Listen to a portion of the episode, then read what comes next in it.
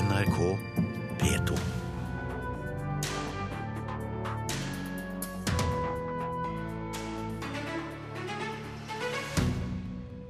Filmselskapene krever fortsatt stengning av en av de mest beryktede piratnettstedene. Tenn et lys for et hus du bryr deg om. Søndag starter en kampanje for å hindre forfallet av gamle hus i Norge. Og den store jubileumsutstillingen ga mersmak. Munch-museet og Nasjonalmuseet fortsetter samarbeidet. Det skal vi høre om her i Kulturnytt, hvor også Fredagspanelet samles. Du hører på Nyhetsmorgen i NRK. Film- og musikkselskapene dropper ikke kravet om å blokkere Pirate Bay, til tross for at siden kan være stengt for godt. Fildelingsnettstedet ligger fortsatt nede, etter at svensk politi denne uken slo til mot kontorene deres og stengte siden.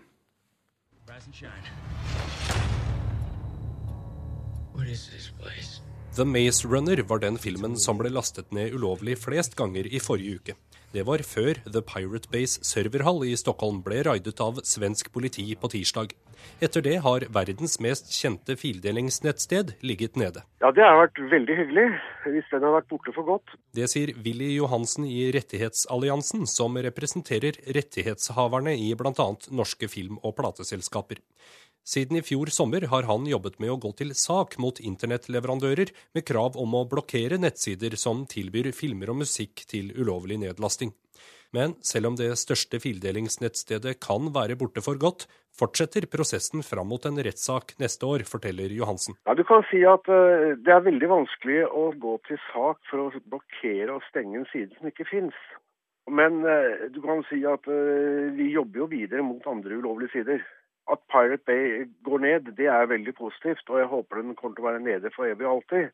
Men det, det, er jo dessverre en pågående kamp, for det dukker jo opp stadig vekk eh, nye sider. Siden Pirate Bay ble lansert i 2003, har den blitt forsøkt stengt flere ganger, og senest i forrige uke ble Frankrikes største internettleverandører dømt til å blokkere tilgangen til siden. Dette styrker de norske rettighetshavernes sak, mener Johansen. Helt klart, for dette går jo på tvers av grensene. Så jeg tror nok det er en, dessverre en, en, en lang kamp. Men vi ser jo at flere og flere land ser alvorligheten av disse ulovlige sidene. Og reporter var Halvor Haugen. Munch-museet og Nasjonalmuseet skal samarbeide, og det får vi vite i dag på Munchs 150-årsdag. Begge museene har store samlinger av Edvard Munch, og opp gjennom årene har det vært en viss konkurranse mellom de to.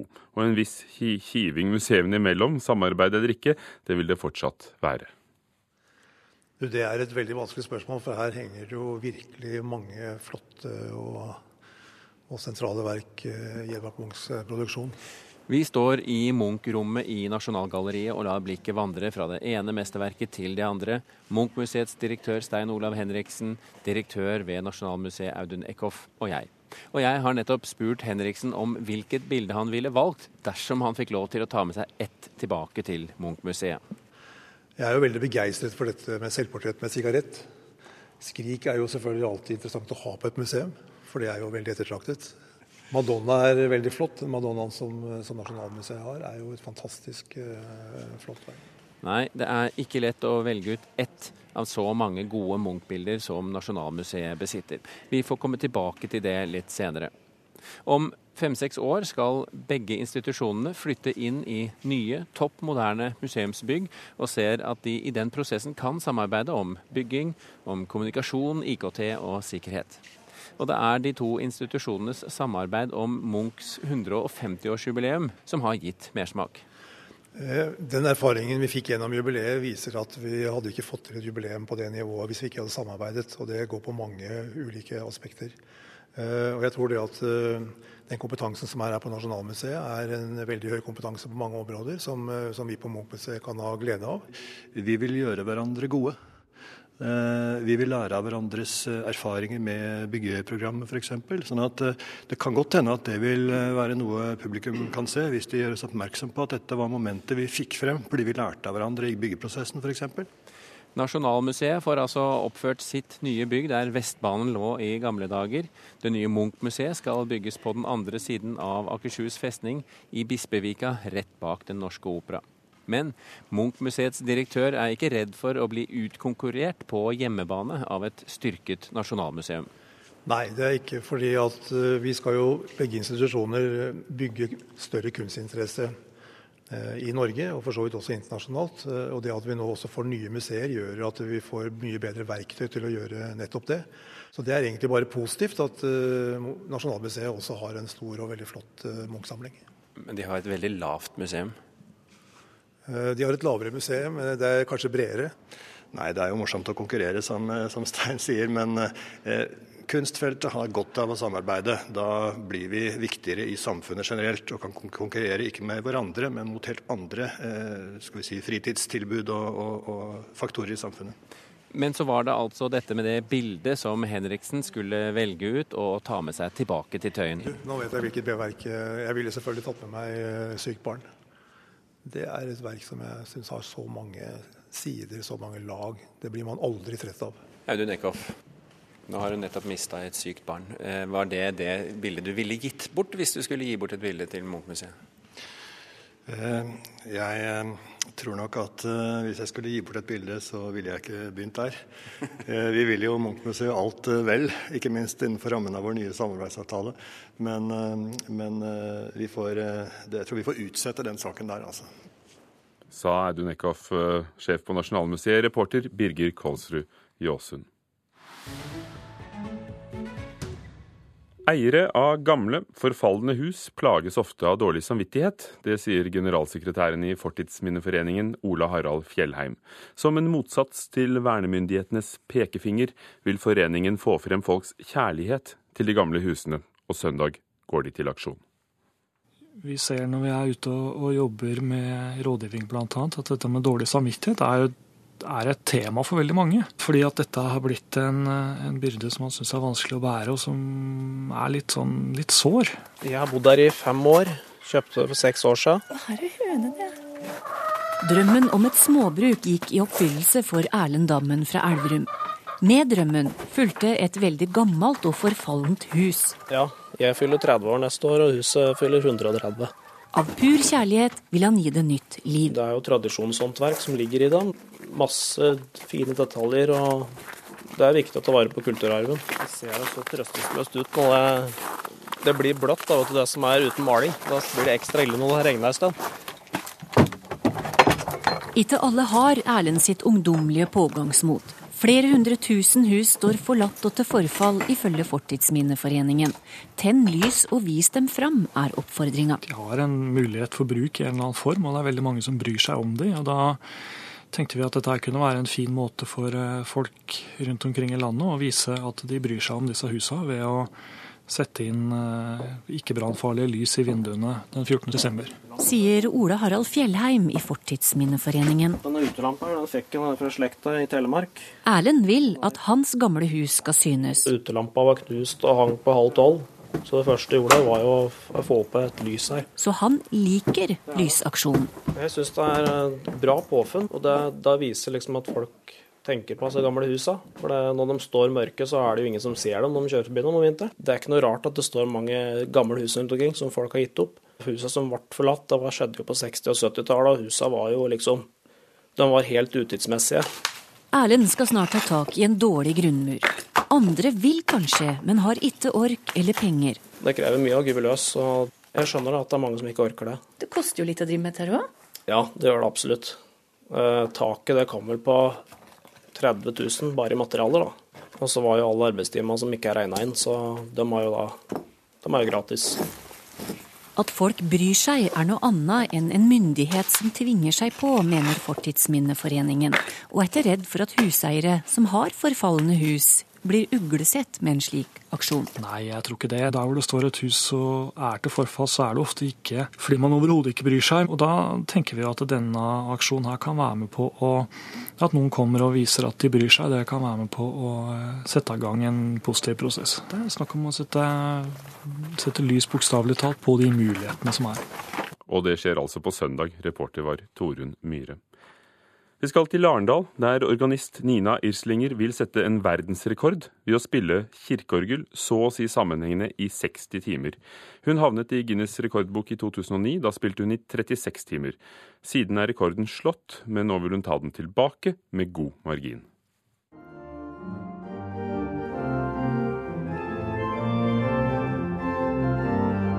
Nina Gjeslinga er til daglig organist i Tre kirker øst i Arendal, men har fått lov til å bruke det nye orgelet i Trefoldighetskirka i sentrum av byen til verdensrekordforsøket i mars neste år. Ja, nei, det blir krevende. Absolutt krevende. ja.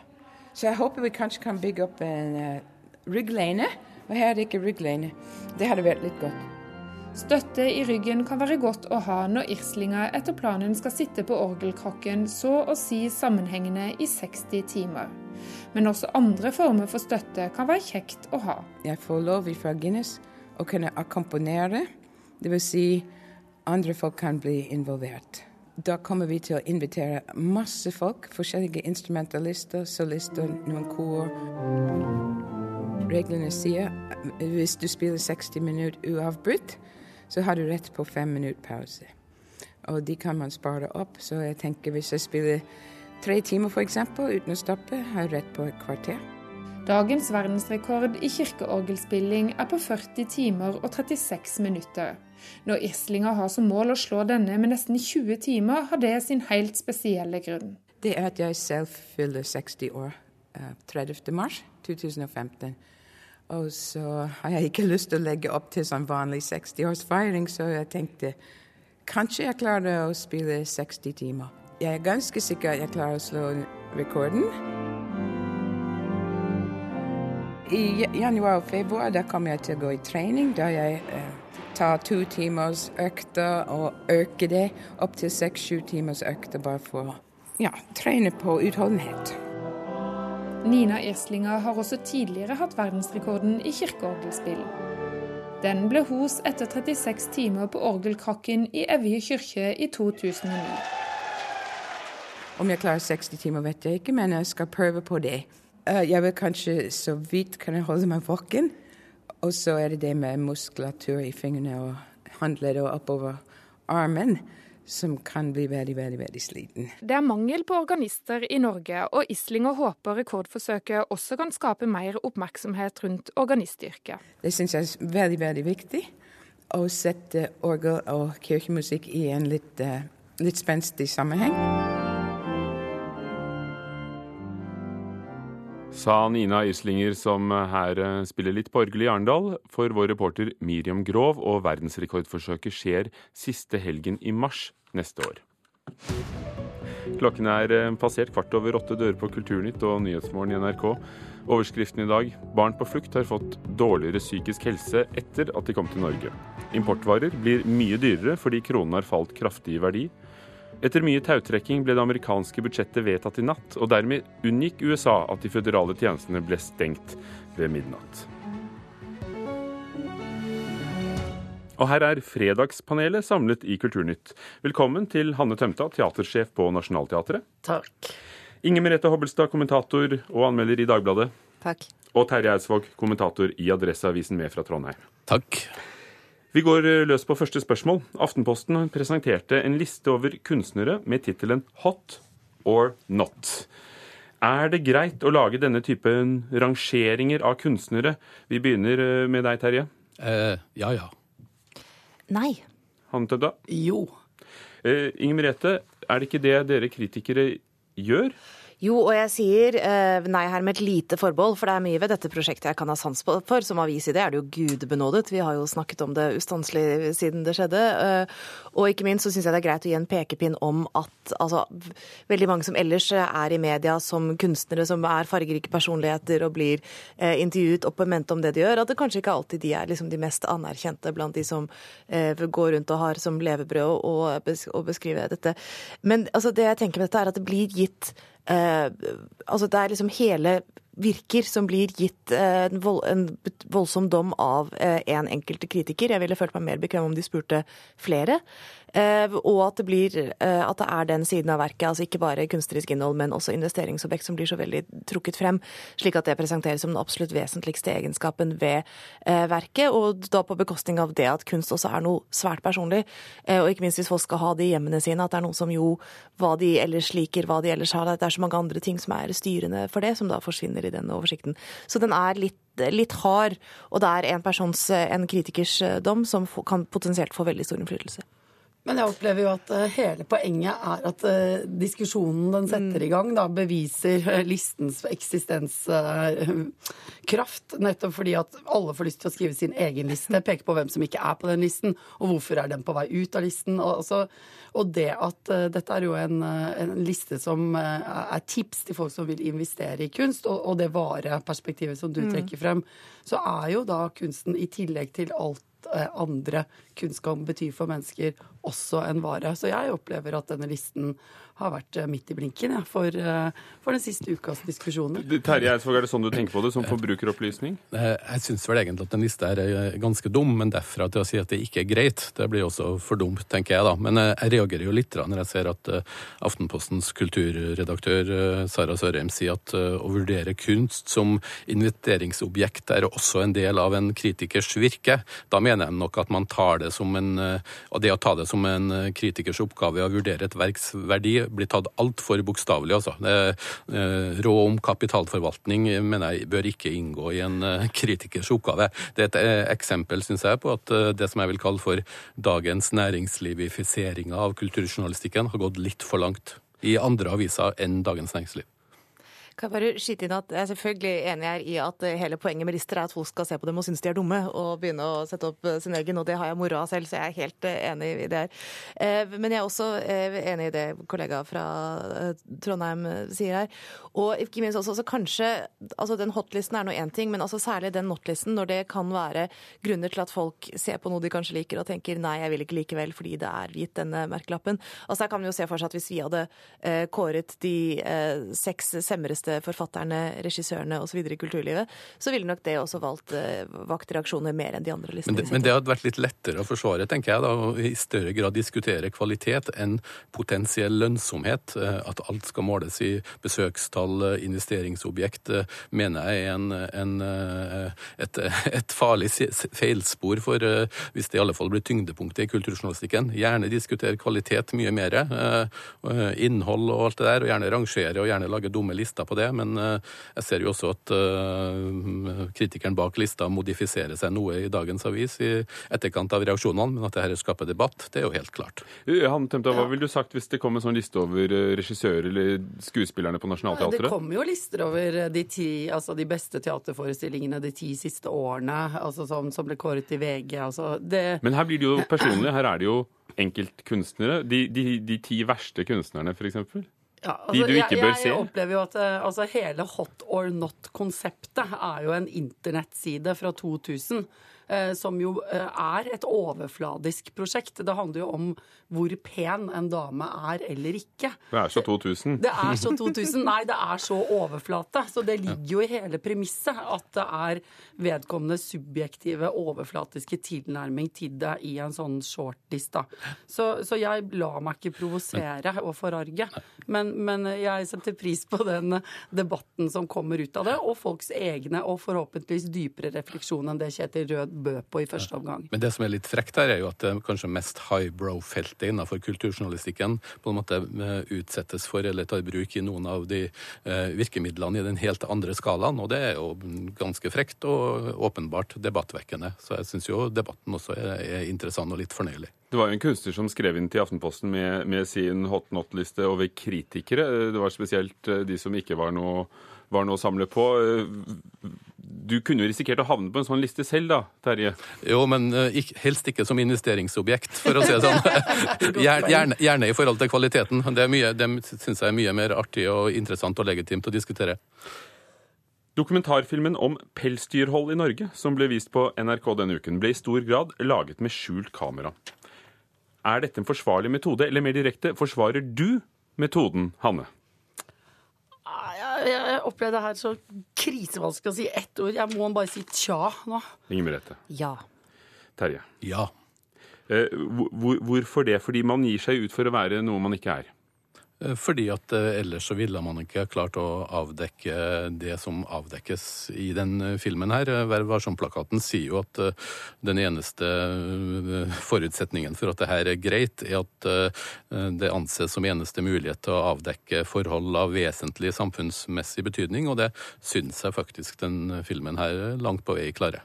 Så når Pelsdyralslaget har reklamekampanjer med at bøndene eller oppdretterne godt kunne vist frem gården sin, så, så er det ja, men Man kan gjøre begge deler, men, men klart at noen av de holdningene eh, Det var jo en diskusjon på Debatten i går rundt det her, og, og bildene av, av dyr som skadedyr, men, men også noen av de holdningene som kommer frem med skille på hvordan man opptrer en, i møte med Mattilsynet og virkeligheten ellers, syns jeg er meget interessant. Eh, verdt å diskutere, og det ville man ikke fått frem eh, på en annen måte. Så jeg syns eh, Jeg var skeptisk før jeg sett filmen, men etter å ha sett den, så syns jeg den langt på vei forsvarer mange av de valgene den har gjort. Og så er det jo helt greit at eh, man kan diskutere objektivitet. Ob eh, objektivitet er ikke noe, er ikke noe eh, nødvendig kriterium for dokumentarfilm, så jeg tror nok at noen litt sånn eh, Man kunne også kanskje ha en større diskusjon om sjangeren dokumentar, for det finnes så mange typer dokumentar, og, og det,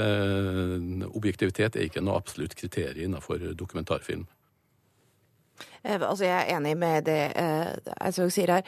Og selvfølgelig intenst ubehagelig for de det gjelder, eh, å oppleve at de har blitt ført bak lyset i to år, at den personen som kom der og stilte opp riktige spørsmål, ikke, ikke var det han ga seg ut for. Og det, er, og det er jo mange gode grunner til at man skal være ekstremt forsiktig med bruken av denne, eh, denne typen teknikker. Men her er det, altså, det er så mye ved dette prosjektet som tilsier at det er åpenbart at dette ikke ville kommet frem hvis ikke man hadde gått frem på denne måten. At da ville man få sett et glansbilde og en fasade som var tilpasset et publikum i stedet for det som eh, det som kommer frem her. Og jeg legger også merke til at veldig mye av forsvaret eh, her har jo gått på at jammen de er aktivister som har laget eh, denne filmen. Og det er så klart at jeg tenker at dyrevernaktivister i Norge har jo ødelagt en del for seg selv ved å være veldig militante og liksom kompromissløse. Det var vel en historie hvor, de, hvor det var mink som ble sluppet løs fordi man var uenig i pelsdyrhold, og så selvfølgelig så går de dukken i naturen på 15 sekunder blank omtrent, for de har jo ikke noen forutsetning for å overleve der. Eh, Men her må man se forbi, tenker jeg, hvorvidt man er enig eller uenig eh, med de personene som har laget dette, og heller se på hva det er de faktisk viser frem. Og det er åpenbart av så alvorlig karakter at det er godt for offentligheten å vite det. Men du dro på det, Hanne? Ja, jeg dro på det rett og slett fordi at eh, nettopp fordi at eh, hvis det er menneskehandel eller barnevold altså Det er noen sånne saker som man bare helt åpenbart opplever at det er riktig at man bruker denne snikmåten å, å få det frem på. Og så har ikke jeg sett denne dokumentaren, eh, men jeg så diskusjonen i går, jeg også. Og sånn sett så, eh, så, så opplever jeg jo både det Veterinærforeningen sier, at det er helt klart ikke bare kritikkverdige forhold som avdekkes, men ren, skjær mishandling av dyr. Og sånn sett, eh, da tilbake igjen til Vær varsom-plakaten, så går jeg vel fra tja til ja. Heldigvis er jo det her en ganske god film. Det er jo naturlig å sammenligne den med, med den amerikanske dokumentaren om behandlinga av spekkhoggere i fornøyelsesparker som kom for to år siden. Og Den har jo nå bidratt til å endre lovgivninga i USA. og Debatten i går tyder jo på at også den filmen her har hatt en viktig debattfunksjon, og kanskje også vil eh, endre i alle fall diskusjonen rundt, og kanskje også lovgivninga rundt det fenomenet den skildrer. Det er for øvrig eh, interessant synes jeg at, at tillitsbrudd er noe som er tabu, så vidt jeg vet, omtrent alle kulturer. Altså det å virkelig stå og fremstille deg selv som noe, og så være noe og gjøre noe helt annet, det er eh, ikke ansett som greit noe sted. Og det er jo et slags sånn sjokk til systemet. Det minner jo alle mennesker om at eh, du ikke egentlig vet hva de tenker, de som står foran deg. Men noen ganger kanskje det må til. Med mindre man er på teater og har betalt billett og vet at Og vet at det skjer. Dere, et forlag har laget en bibel full av rosa prinsesser, som vi fortalte om i Kulturnytt eh, denne uken. Er det en passende fremstilling av kvinnene i bibelhistorien, slik eh, kreftene bak eh, mener, Terje? Nei. Inger Merete? Nei. Hanne? Ja, da går jeg for ja. Ja, og, og hvorfor det? Nei, altså, Det er jo ikke sånn at dette er en passende fremstilling. Eh, Det er jo et kjønnsstereotypt så det synger etter. Men jeg blir ikke mer provosert av dette enn jeg blir av f.eks. Disneys versjoner av prinsesser i folkeeventyrene og litteraturskatter som Ringeren i Notre-Dame. Altså, det er bare gått av sted på et feil spor for lenge siden. Og så er det selvfølgelig trist at et forlag eh, ønsker å presentere Bibelen på denne måten, men jeg opplever ikke det som verre enn det som allerede skjer. Men er det ikke godt eh, at, at eh, alt som får barn til å lese? Nei, det, det, kan, det, er det jo ikke, kan man jo, man kan jo ikke si. Eh, men jeg er uenig her, da, fordi jeg har ikke noe problem med at småjenter i det hele tatt liker Disney-filmer, liker prinsesser. Og det er en ting som jeg tror den, den kommer omtrent alltid til å være der. Altså Hvis du ser f.eks. på hvordan Disney-prinsesser i tegnefilmene har utviklet seg gjennom de siste filmene, så ser du at de har blitt mer uavhengige, de har fått mer ambisjoner utover det å gifte seg. Men de har fremdeles den der rosa kjolen, altså, og det store håret, og det er en prins der. Så den fantasien er veldig, veldig slitsterk. Men det jeg syns kanskje man bør tenke seg om før man gjør, det er å prinsessifisere historier som i utgangspunktet eh, ikke er det. Fordi det man da antyder, det er jo at eh, kjønn, som jo er en svært vesentlig kategori i verden, men at det er den vesentlige kategorien, den er faktisk så vesentlig at du må få det tilpasset ditt eget kjønn og de stereotype eh, forestillinger man har om ditt kjønn, for i det hele tatt å være interessert i denne fortellingen. Eh, for å kunne forstå det som står der. Og da er det jo gått litt over stokk og stein og hump og i det hele tatt. Det er jo nettopp pga. det Tømta sier, at det her er så ille, syns jeg. Fordi at eh, Disney, Lego, all, hele både lekeindustrien og underholdningsindustrien er på en sånn reaksjonær bølge. Eh, nylig så har jo det der Lego sitt brev sirkulert på sosiale medier fra 1974, hvor de på en måte oppfordra foreldrene om at eh, gutter kan leke med prinsesser og omvendt. Men nå har alt snudd i en ekstrem prinsessifisering av det her, og det syns jeg er ille. Mot prinsifisering av samfunnet. Ja. Går du mot det på teatret? Det sånn? Jeg opplever at det er en av teatrets uh, kjerneoppgaver, jeg, å utfordre stereotype holdninger. Altså må en uh, fattig person være tynn, eller må en lege være mann? Altså det er ting vi snakker om hele tiden. Og en prinsesse må ikke gå i rosa kjole på Nationaltheatret. Takk skal dere ha, Hanne Temta, Inger Merete Hobbelstad og Terje Eidsvåg. Det var Kulturnytt ved Hanne Lunås, teknisk ansvarlig, Espen Alnes, produsent, og programleder Ugo Fermarillo. Dette er Nyhetsmorgen. Klokken er snart halv ni.